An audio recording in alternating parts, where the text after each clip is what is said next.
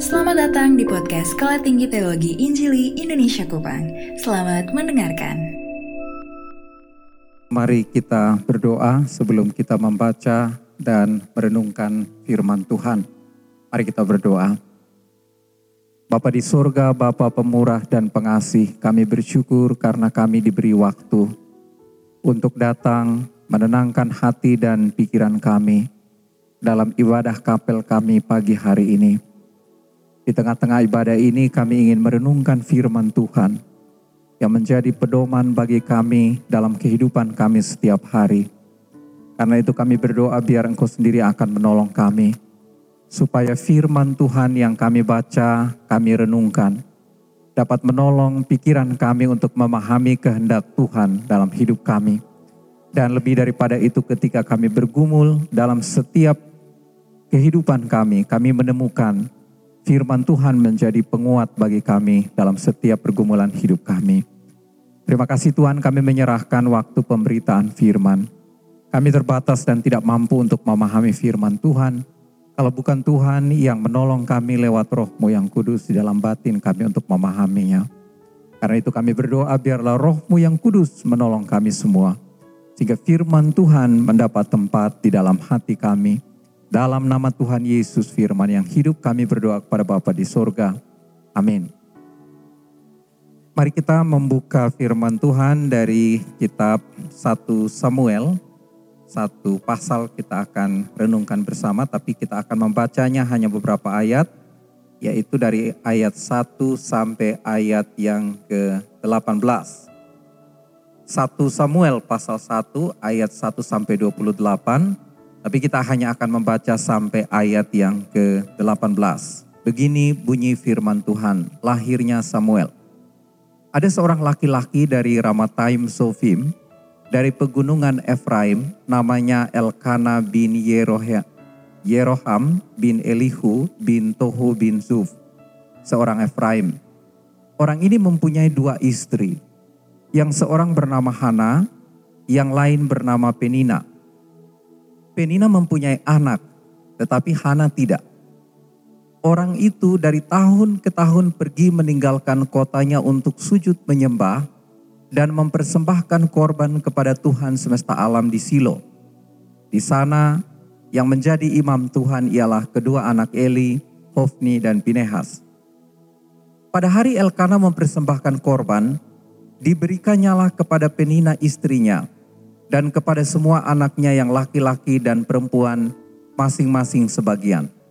Meskipun ia mengasihi Hana, ia memberikan kepada Hana hanya satu bagian – sebab Tuhan telah menutup kandungannya. Tetapi madunya selalu menyakiti hatinya supaya ia gusar karena Tuhan telah menutup kandungannya. Demikianlah terjadi dari tahun ke tahun. Setiap kali Hana pergi ke rumah Tuhan, Penina menyakiti hati Hana sehingga ia menangis dan tidak mau makan. Lalu Elkana suaminya berkata kepadanya, Hana, mengapa engkau menangis dan mengapa engkau tidak mau makan? Mengapa hatimu sedih? Bukankah aku lebih berharga bagimu daripada sepuluh anak laki-laki? Pada suatu kali setelah mereka habis makan dan minum di Silo, berdirilah Hana, sedang Imam Eli duduk di kursi dekat tiang pintu bait suci Tuhan. Dan dengan hati pedih dia berdoa kepada Tuhan sambil menangis terseduh-seduh. Kemudian bernasar ia katanya, Tuhan semesta alam, jika sungguh-sungguh engkau memperhatikan sengsara hambamu ini dan mengingat kepadaku dan tidak melupakan hambamu ini, tetapi memberikan kepada hambamu ini seorang anak laki-laki, maka aku akan memberikan dia kepada Tuhan untuk seumur hidupnya, dan pisau cukur tidak akan menyentuh kepalanya. Ketika perempuan itu terus-menerus berdoa di hadapan Tuhan, maka Eli mengamat-amati mulut perempuan itu. Dan karena Hana berkata-kata dalam hatinya dan hanya bibirnya saja bergerak-gerak, tetapi suaranya tidak kedengaran, maka Eli menyangka perempuan itu mabuk. Lalu kata Eli kepadanya, Berapa lama lagi engkau berlaku seperti orang mabuk? Lepaskanlah dirimu daripada mabukmu. Tetapi Hana menjawab, Bukan, tuanku. Aku seorang perempuan yang sangat bersusah hati anggur ataupun minuman yang memabukkan tidak kuminum. Melainkan aku mencurahkan isi hatiku di hadapan Tuhan. Janganlah anggap hambamu ini seorang perempuan dursila. Sebab karena besarnya cemas dan sakit hati, aku berbicara demikian lama. Jawab Eli, pergilah dengan selamat. Dan Allah Israel akan memberikan kepadamu apa yang engkau minta daripadanya. Sesudah itu berkatalah perempuan itu, biarlah hambamu ini mendapat belas kasihan daripadamu. Lalu keluarlah perempuan itu, ia mau makan, dan mukanya tidak muram lagi. Saudara-saudara yang Tuhan Yesus kasihi Bapak dan Ibu, kita tahu bahwa pergumulan itu adalah salah satu bagian hidup dari anak-anak Tuhan. Kadang-kadang kita mendengar istilah bahwa untuk naik ke level yang lebih tinggi lagi, seseorang harus menghadapi pergumulan. Dan pergumulan sudah menjadi bagian hidup. Termasuk di dalamnya adalah anak-anak Tuhan. Kalau kita lihat contoh-contoh kasus di dalam Alkitab, kita lihat Yakub untuk menjadi sebuah bangsa yang besar, mengubah namanya dari Yakub yang adalah penipu ke Israel, dia harus menghadapi pergumulan bersama-sama dengan Tuhan semalam-malaman. Dia mau naik level ke yang besar, yang lebih tinggi. Dia harus menghadapi pergumulan bersama-sama dengan Tuhan.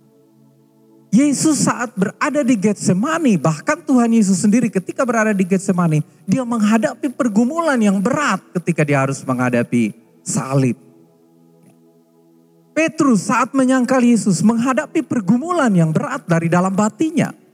Bahkan Pak sendiri menyebutkan di dalam pelayan ada satu duri di dalam daging. Ada satu pergumulan yang dia harus hadapi hari demi hari bersama dengan Tuhan Yesus. Tidak ada waktu di dalam hidupnya di mana dia tidak menghadapi pergumulan.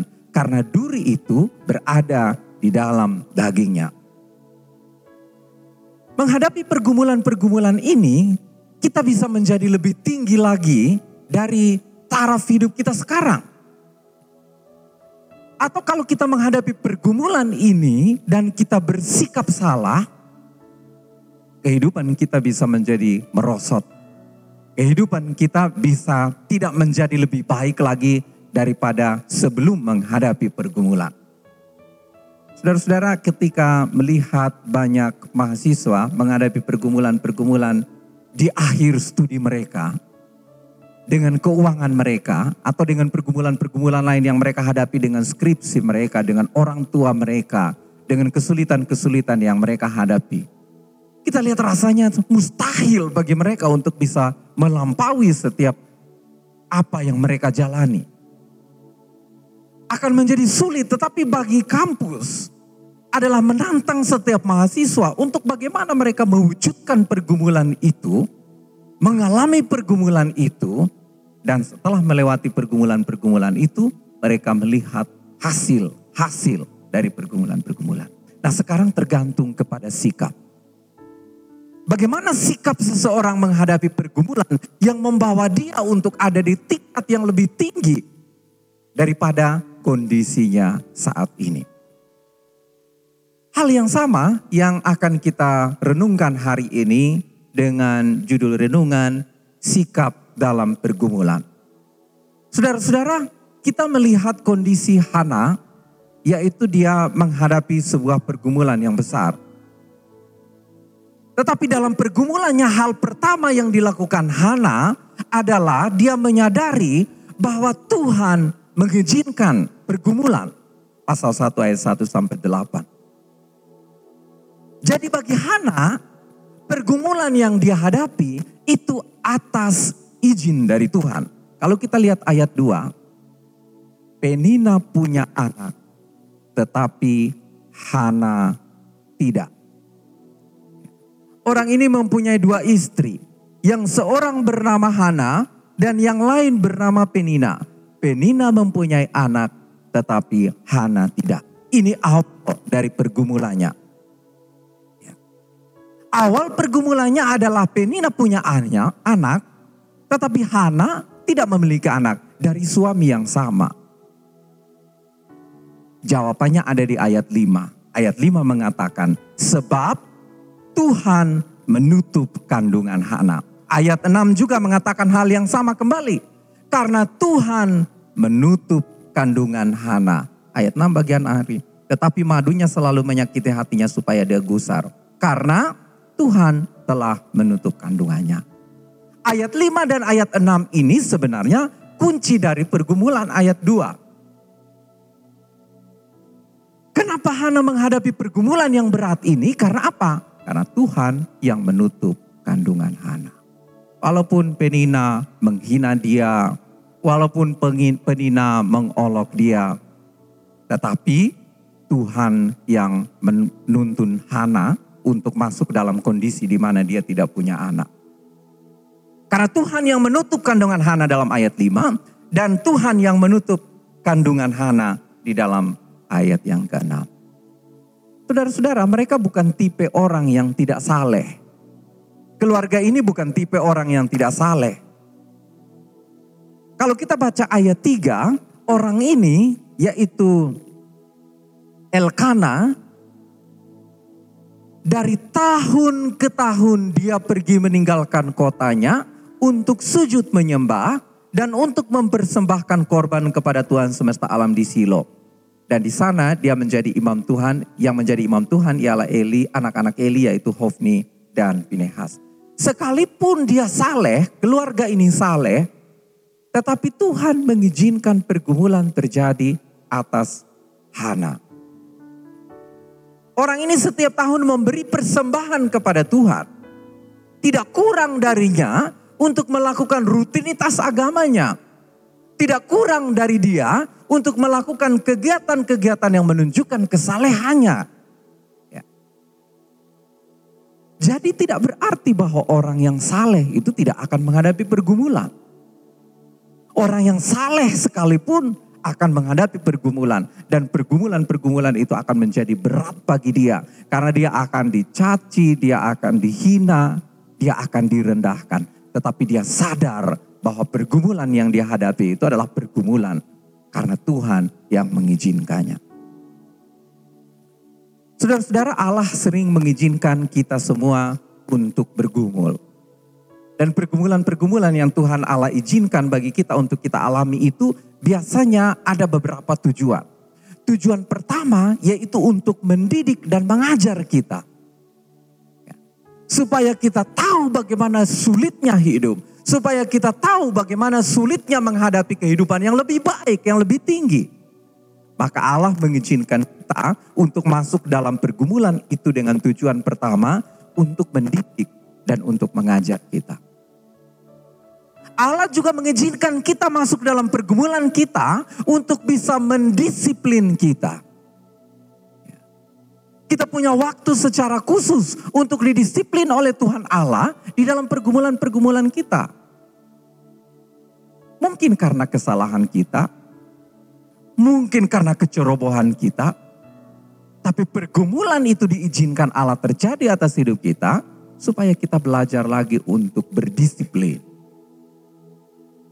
Tujuan lainnya, Allah mengizinkan pergumulan dalam hidup kita untuk menguji kita. Sejauh mana kita punya kecintaan kepada Tuhan. Sejauh mana kasih kita kepada Tuhan. Sejauh mana kedekatan kita kepada Tuhan. Sikap yang bagaimana yang harus kita lakukan untuk menghadapi pergumulan-pergumulan kita. Kita mungkin masih ingat pengalaman-pengalaman kita, keluarga kita, atau adik-adik kita. Ketika pertama kali mereka pakai celana. Anak-anak kecil ketika mereka bergumul pertama kali untuk pakai celana. Kadang-kadang dua kakinya dua kakinya masuk di satu lubang. Ya. Kadang-kadang lubang yang bawah yang dikasih naik ke atas. Ya. Tetapi orang tua yang baik membiarkan anaknya untuk menghadapi pergumulan itu dan melihat dia. Maka besok-besok dia akan tahu bagaimana cara pakai celana yang betul. Saya rasa kalau tidak ada pergumulan itu kita alami, mungkin sekarang kita pakai celana dengan tidak betul semua ya. Tapi orang tua yang baik itu mengizinkan anaknya untuk menghadapi kondisi demikian. Untuk mendidik dia, untuk menguji dia, untuk mendisiplin dia. Supaya dia punya sikap yang lebih baik lagi. Dan kemudian dia tahu cara yang lebih betul, cara yang lebih baik.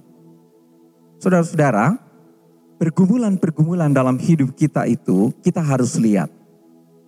Kadang kita harus sadari bahwa pergumulan-pergumulan itu diizinkan oleh Tuhan untuk kita alami. Sekarang apa pergumulan yang diizinkan oleh Tuhan untuk kita alami dalam hidup kita? Pergumulan keuangan kah? Pergumulan tentang sesuatu yang berat yang harus kita hadapi, menata kehidupan kita, menata karir kita, menata masa depan kita, menata cita-cita kita, pergumulan-pergumulan dengan keluarga kita dan lain-lain sebagainya. Pergumulan-pergumulan dengan di mana kita akan melayani kelak sesudah kita berada di sini. Ingat, pergumulan itu diizinkan Tuhan supaya akhirnya kita menghadapinya dan setelah kita menghadapinya kita berada pada satu level tertentu mengalami Tuhan di dalam pergumulan-pergumulan kita. Yang kedua, ayat 9 sampai ayat 18 kalau kita menghadapi pergumulan, sikap yang pertama yaitu sadarilah bahwa Tuhan mengizinkan pergumulan. Yang kedua, kalau kita menghadapi pergumulan, pergumulkanlah dengan Tuhan. Pergumulkanlah dengan Tuhan hal-hal yang utama ayat 11, ayat 12, ayat 13 kita membaca di sana. Kalau kita mau bertanya, bertanyalah dengan Tuhan. Kalau kita mau menangis, menangislah dengan Tuhan. Menangislah kepada Tuhan. Kalau kita mau mengadu, mengadulah kepada Tuhan. Ayat 11, ayat 12, ayat 13 menunjukkan itu. Kalau kita membaca ayat yang ke-11, di sana disebutkan bahwa kemudian bernasarlah ia katanya Tuhan semesta alam jikalau sungguh-sungguh engkau memperhatikan sengsara hambamu ini dan mengingat kepadaku dan tidak melupakan hambamu ini, tetapi memberikan kepada hambamu ini seorang anak laki-laki, maka aku akan memberikan dia kepada Tuhan untuk seumur hidupnya dan pisau cukur tidak akan menyentuh kepalanya. Hana ketika dia menghadapi pergumulan, dia bicara kepada Tuhan. Ada suaminya, ada istri lain dari suaminya, ada imam tempat bagi dia untuk bisa menyampaikan segala keluh kesahnya, tetapi Hana memilih untuk menyampaikan pergumulan kepada Tuhan. Hana tidak diberhentikan oleh tantangan ketika dia menghadapi pergumulan itu. Kalau dia sudah bertanya, bertanya kepada Tuhan. Kalau dia menangis, dia menangis memohon pertolongan Tuhan. Kalau dia mengadu, mengadu kepada Tuhan. Dan dia tidak diberhentikan oleh tantangan itu. Apa tantangannya? Tantangannya adalah ejekan dari Penina. Penina mempunyai anak tetapi Hana tidak. Ya. Orang itu dari tahun ke tahun pergi ke rumah Tuhan. Dan istrinya Penina itu selalu menyakiti hatinya ayat 6. Tetapi madunya selalu menyakiti hatinya supaya ia gusar. Karena Tuhan telah menutup kandungannya dia tidak dihentikan oleh tantangan, yaitu menghadapi ejekan dari Penina. Ini sikap ketika orang bergumul. Kalau dia sudah menggumulkannya dengan Tuhan, maka walaupun ada tantangan seberat apa pun, ejekan dari orang lain, dia tidak berhenti. Karena dia merasa bahwa dia bergumul bersama-sama dengan Tuhan. Dia juga tidak dihentikan oleh pandangan dari masyarakat bahwa tidak punya anak itu adalah sebuah aib. Dia tidak dihentikan oleh karena penilaian dari masyarakat. Pada saat dia bergumul, ada ejekan yang dia hadapi. Pada saat dia bergumul, ada penilaian dari orang lain yang dia hadapi. Dan bahkan ini menyakitkan juga. Pada saat dia bergumul, Imam Eli sendiri mengatakan bahwa dia adalah sedang mabuk, perempuan mabuk. Ejekan orang lain dia lewati. Penilaian dari orang lain terhadap dirinya dia lewati karena dia tahu dia bergumul bersama dengan Tuhan. Bahkan perkiraan dari para imam terhadap dirinya, dia harus hadapi pergumulan itu. Kalaupun imam menyangka dia perempuan mabuk, dia hadapi pergumulan itu karena dia sadar bergumul bersama-sama dengan Tuhan. Saudara-saudara, mungkin banyak ejekan yang kita hadapi ketika kita bergumul untuk mengiring Tuhan. Mungkin banyak ejekan yang kita hadapi ketika kita bergumul untuk menjadi hamba Tuhan. Mungkin ada banyak penilaian yang kita hadapi karena kita memutuskan untuk menjalani kehidupan kita melayani Tuhan. Atau bahkan perkiraan-perkiraan dari para imam, orang-orang yang rasanya punya pengetahuan yang baik terhadap kita, menyangka bahwa kita adalah orang yang lain. Prasangka-prasangka dari orang lain pasti kita hadapi. Tapi sikap yang baik yang dihadapi atau dilaksanakan oleh Hana yaitu dia menggumulkannya dengan Tuhan. Kalau kita mau cerita kepada orang lain, cerita kepada Penina, Penina, saya tidak punya anak. Ah, dia malah cerita ke orang lain lagi. Penilaian masyarakat berbeda, perkiraan imam juga lain. Tetapi kalau ada pergumulan, bawalah kepada Tuhan. Ya. Jangan salahkan siapa pun dalam pergumulan kita. Jangan sampai dihentikan oleh kesulitan-kesulitan. Jangan sampai dihentikan oleh tantangan-tantangan dari siapa pun, termasuk para petinggi yang menyebut diri mereka beragama dan mengenal Tuhan. Kalau dibanding anak-anaknya yaitu Hofni dan Pinehas, maka Imam Eli sebenarnya lebih baik dari Hofni dan Pinehas. Tapi ketika seorang yang bergumul ini datang kepada Tuhan, imam ini justru menuduh dia sebagai perempuan yang mabuk. Karena itu mengharapkan kepada orang lain untuk menolong kita dalam pergumulan-pergumulan kita mungkin ada batasnya. Ketika orang lain kita harapkan bahkan pemimpin untuk menasehati kita, membimbing kita baik adanya, tapi mungkin ada batasnya.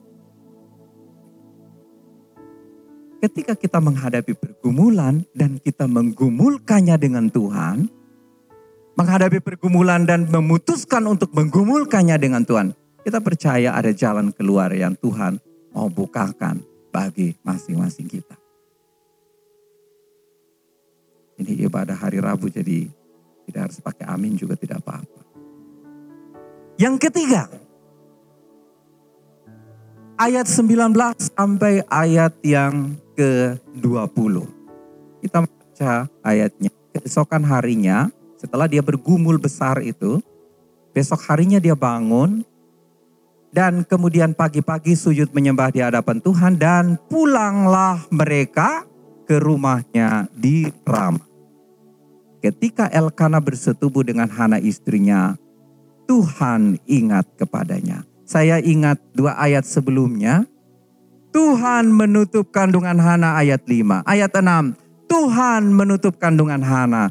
Tapi ayat yang ke-19 dikatakan, Tuhan ingat kepada Hana setelah dia melewati masa pergumulan, melewati tantangan yaitu dia dicibir oleh orang lain, melewati tantangan yaitu dia menghadapi pandangan orang lain terhadap aib yang dia alami, menghadapi tantangan dan setelah lewat itu ayatnya menarik sekali menyebutkan Tuhan mulai ingat kepadanya. Setelah dia lewat pergumulan itu, Baru kemudian ayat ini menyebutkan bahwa Tuhan ingat kepadanya. Apa yang dilakukan oleh Hana ketika melewati pergumulan ini? Dia berkarya, dia terus berkarya sambil dia menanti jawaban Tuhan. Apakah pergumulan Hana sudah terjawab di situ? Belum. Setelah dia menangis, dia bergumul, dia menghadapi prasangka perkiraan dari Imam Eli ini. Lalu kemudian besoknya dia berdoa sekali lagi dan dia pulang. Ayat 13 kita membaca di sana. Hana ini bergumul sampai habis. Dia berdoa sampai tidak bersuara lagi. Dan karena Hana berkata-kata dalam hatinya dan hanya bibirnya saja yang bergerak, tetapi suaranya tidak kedengaran, maka Eli menyangka perempuan ini adalah perempuan yang mabuk. Apa yang dilakukan Hana dalam pergumulannya? Dia berkarya terus sambil menanti jawaban Tuhan. Dia bergumul sampai habis. Dia berdoa sampai suaranya tidak kedengaran lagi. Ketika dia menghadapi pergumulan. Pergumulan itu dia hadapi betul-betul dengan kekuatannya. Bahkan dia berdoa sampai tidak bersuara lagi. Tidak saja berdoa. Hana juga berusaha. Kalau kita mau sebut itu sebagai usaha. Ayat 19 sampai 20. Ketika dia sampai di sana, dia pulang ke rumahnya, Elkana bersetubuh dengan Hana istrinya dan Tuhan mengingat kepadanya. Ya. Kita sebut itu sebagai usaha yang dilakukan Hana. Ya. Dalam menunggu jawaban Tuhan, ayat 17 sampai 18a, dia beriman kepada Tuhan. Jawab Eli, pergilah dengan selamat dan Allah Israel akan memberikan kepadamu apa yang engkau minta daripadanya. Sesudah itu berkatalah perempuan itu, biarlah hambamu mendapat belas kasihan daripadamu. Lalu keluarlah perempuan itu, ia mau makan dan mukanya tidak muram lagi. Ketika menghadapi pergumulan itu, dia tetap punya pengharapan. Dia tetap beriman bahwa Tuhan akan menolong dia. Dia tetap beriman bahwa Tuhan akan membuka jalan bagi dia. Maka poin yang ketiga yang harus kita lakukan adalah berkaryalah sambil menanti jawaban Tuhan. Dia berusaha sampai habis. Dia tidak bersuara lagi, suaranya sudah habis ketika dia bergumul. Ya. Dia tetap berusaha tidur lagi dengan suaminya. Sudah berapa banyak mereka berusaha untuk dapat anak tidak dapat. Selalu Penina mengolok-olok dia, tapi ketika pulang sampai di sana Tuhan mengingat dia. Lalu ayat 18b dia tidak tetapi ayat 18b menyebutkan di sana, sesudah ia berkata kepada perempuan itu, biarlah hambamu. Lalu keluarlah perempuan itu, lalu dia makan. Dan mukanya tidak muram lagi. Ya. Dia bersuka cita di dalam pergumulannya. Setelah dia lewat pergumulan itu, wajahnya kembali bersuka cita. Saudara-saudara kalau kita punya sesuatu yang kita simpan di dalam hatinya, rasanya tidak akan plong kalau kita belum bercerita kepada orang lain. Ya. Dan ketika Hana menghadapi pergumulan ini, sesudah dia menghadapi pergumulan, dia bercerita kepada Tuhan, bahkan sampai suaranya habis, mukanya tidak muram lagi. Dia melewati pergumulan ini dengan penuh sukacita. Karena dia tahu Tuhan yang mengizinkannya. Karena dia tahu dia bergumul bersama dengan Tuhan. Dan karena dia tahu ketika selesai pergumulan ini dia berkarya sambil menanti jawaban Tuhan. Itu yang mungkin kita sebut sebagai ora et labora. Dia berusaha berkarya terus menerus. Dia berdoa terus. Ayat 19 menunjukkan Keesokan harinya dia bangun lalu kemudian dia menyembah Tuhan lagi. Dia berdoa terus menerus. Jadi dalam menunggu jawaban Tuhan dia beriman, dia bersuka cita dalam pergumulan, dia berdoa terus, lalu dia melakukan usaha-usaha yang berkenan dalam ayat 9 tidur lagi dengan suaminya. Elkana bersetubuh dengan dia. Bandingkan kalau Abraham. Abraham kalau dia sudah menghadapi kondisi di mana dia tidak punya anak lagi, dia pergi panggil nona hitam manis bernama Hagar. Ya. Malam ini tidurlah dengan Abraham. Ya. Tapi dia berusaha hal yang berkenan. Dia menunjukkan kepada kita bahwa berkaryalah sambil menanti jawaban dari Tuhan. Saudara-saudara, bergumullah sampai habis. Tetapi saat bergumul, berusahalah dengan benar, berkaryalah sambil menanti jawaban Tuhan atas pergumulan-pergumulan. Saya rasa mungkin setiap tahun pergumulan mahasiswa sama ya. Ketika mau menghadapi ujian skripsi dan ketika mau diwisuda ada yang 9 juta belum bayar. Ada yang 8 juta, ada yang 6 juta, ada 5 juta. Pergumulan panjang sekali.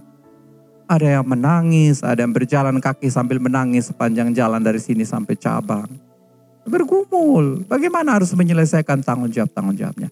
Tapi setelah Tuhan menuntun mereka berusaha ya bersuka cita dalam pergumulan, berdoa terus, berusaha dengan usaha-usaha yang berkenan, Tuhan memberkati mereka.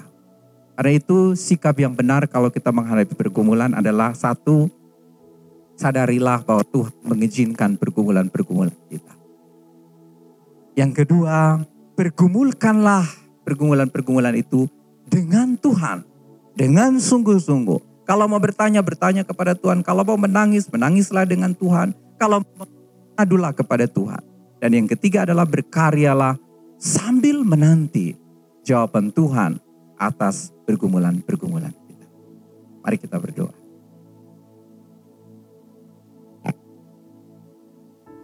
Bapa di dalam nama Tuhan Yesus Kristus, masing-masing kami memiliki pergumulan-pergumulan yang mungkin tidak dimengerti dan tidak difahami oleh orang lain.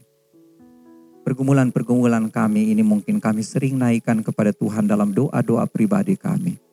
Ataupun bersama-sama kami berdoa, kami selalu menyampaikan dan meminta dukungan dari orang lain untuk pergumulan-pergumulan. Tapi hari ini firman Tuhan mengajari kami dari kehidupan Hana. Bahwa dalam menghadapi pergumulan-pergumulan kami, tolong kami Tuhan untuk menyadari bahwa Tuhan mengizinkan pergumulan-pergumulan itu. Dan ketika Tuhan mengizinkan pergumulan-pergumulan itu, maka kami harus bergumul bersama-sama dengan Tuhan. Dan tolong kami untuk menyadari bahwa kami tidak hanya bisa bergumul dengan Tuhan, tapi kami berusaha, kami berupaya, kami terus berada pada rel yang benar, yang tepat untuk menghadapi pergumulan-pergumulan kami bersama-sama dengan Tuhan. Bapak kalau ada di antara kami yang bergumul saat-saat ini dengan masing-masing hal yang kami gumulkan dalam hati kami. Kami berdoa Tuhan tolong kami supaya kami mengingat firman Tuhan ini. Supaya pergumulan kami terjawab oleh Tuhan. Dan kami mendapatkan sukacita oleh karena kami bergumul bersama-sama dengan Tuhan. Bahwa kami melihat tangan Tuhan yang kuasa itu menopang kami di tengah-tengah pergumulan-pergumulan kami. Terpujilah namamu Tuhan, terima kasih untuk firman Tuhan bagi kami saat ini. Dalam nama Tuhan Yesus kami bersyukur. Amin. Terima kasih telah mendengarkan podcast Sekolah Tinggi Teologi Injili Indonesia Kupang. Jika Anda rindu diperlengkapi menjadi seorang pelayan Tuhan yang berpengetahuan teologi yang tinggi, berkarakter Kristus untuk memperluas kerajaan Allah, mari bergabung bersama kami di Sekolah Tinggi Teologi Injili Indonesia Kupang. Jalan Tua Bata, Kecamatan Alak, Kupang, Nusa Tenggara Timur. Kunjungi website kami di www.sttii-kupang.ac.id atau via halaman Facebook kami di STTII Kupang. Hubungi kami di 081237978267. Sekali lagi 081237978267. Terima kasih, Tuhan Yesus memberkati.